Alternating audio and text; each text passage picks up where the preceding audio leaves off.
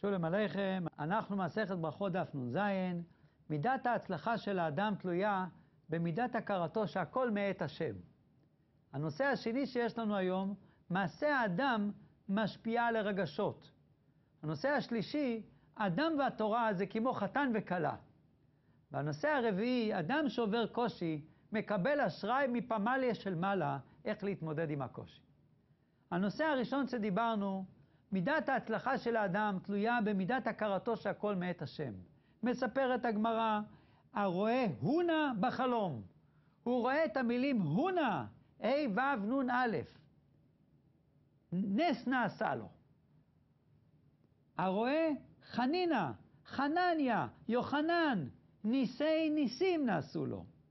חכמינו אומרים, כשאדם רואה אותיות בחלום, שיש שם את המילה נון, הונה, או חנניה יש פעמיים, יש יוחנן, יש פעמיים, זה מלשון חן, זה לשון חנינה, לשון מתנת חינם, כלומר, הרואה שמות אלו כתובים לו בחלום, הוא יודע שהשם יעשה לו ניסי ניסים.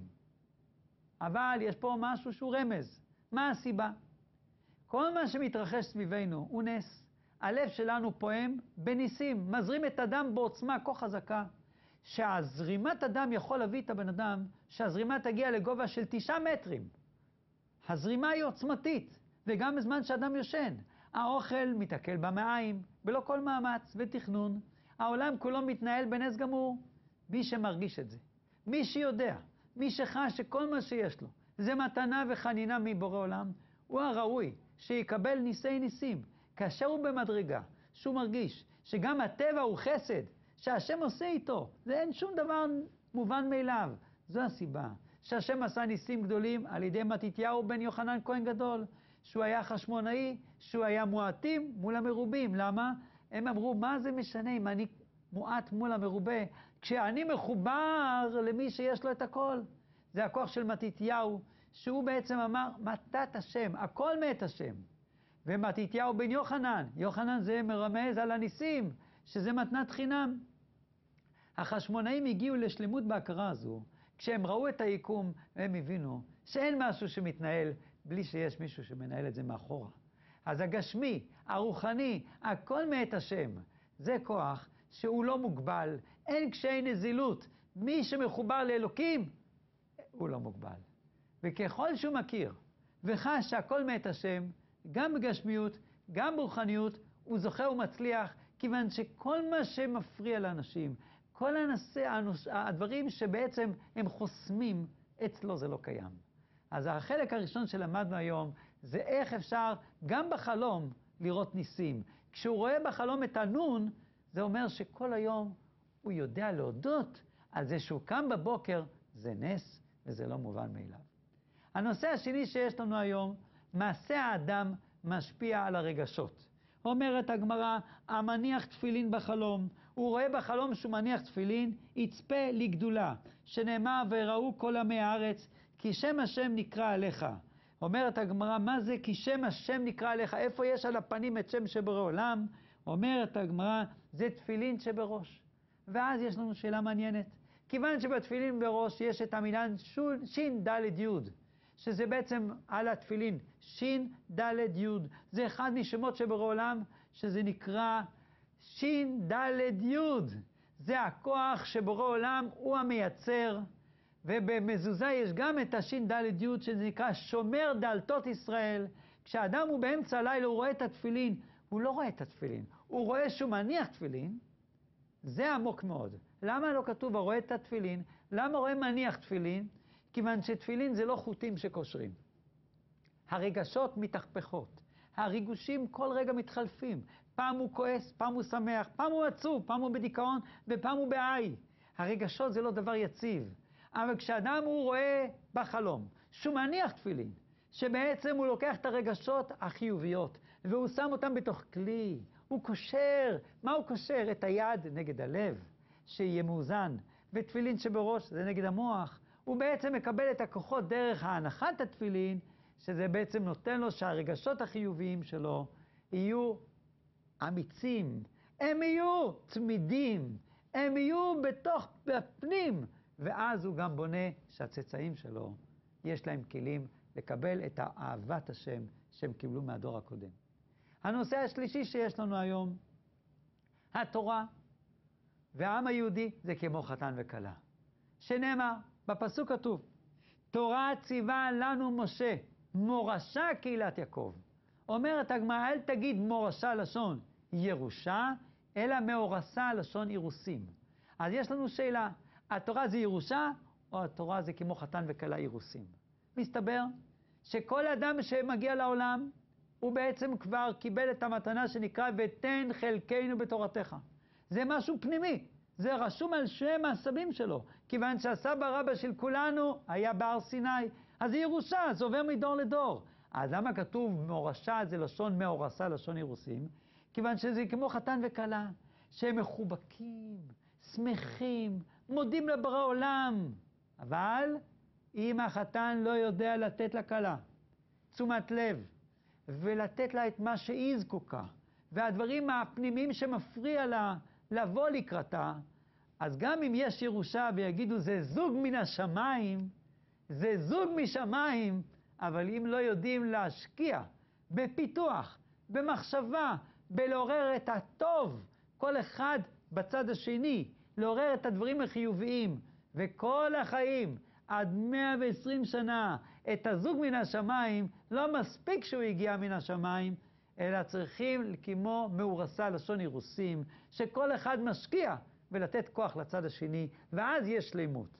אז התורה זה ירושה ממקום אחד, אבל זו ירושה שהיא תלויה בפיתוח נכון, איך אני גורם שהתורה הזו תהיה נצח, כיוון שכל כך הרבה דורות פיזרו את העם היהודי בגלות, ועמים אחרים במקומנו כבר לא היו נשארים בכלל.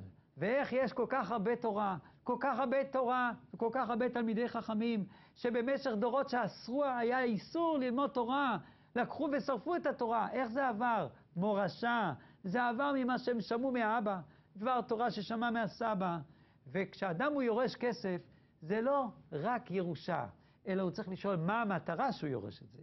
אין רכוש יותר גדול מלהיות יורש של התורה, שזה בעצם הנצח, זה החוכמה האלוקית, וזה דבר שעובר מדור לדור, אבל בתנאי, כמו אירוסים, שצריך להשקיע. לא עולה על הדעת שבני זוג שאחד לא ישקיע בשני, יהיה לזה עתיד. זה דבר שהוא לא נשאר לטווח ארוך. ולכן שערי החוכמה שנפתחים לאנשים בזכות התורה, כל כך הרבה פרס נובל, כל כך הרבה פרסים יש לעם היהודי, הכל מחוכמת הגמרא, שאפילו בדרום קוריאה לומדים עשרות אלפי תלמידים את מסכת בבא מציע, שניים אורזים בטלית, ולא בגלל שיש להם מצווה ללמוד תורה, אלא הם עשו מחקר שהחוכמה היהודית זה בזכות חוכמת התורה. הנושא הבא שיש לנו היום, אדם שעובר קושי, מקבל אשראי להתמודד. הגמרא אומרת, ראה מקום שנוטלים ממנו עפר. אומר ברוך אומר ועושה, גוזר ומקיים. חכמינו אומרים שיש פסוק שנקרא ברוך אומר ועושה, גוזר ומקיים. על מי זה נאמר? על בורא עולם. אומר ועושה.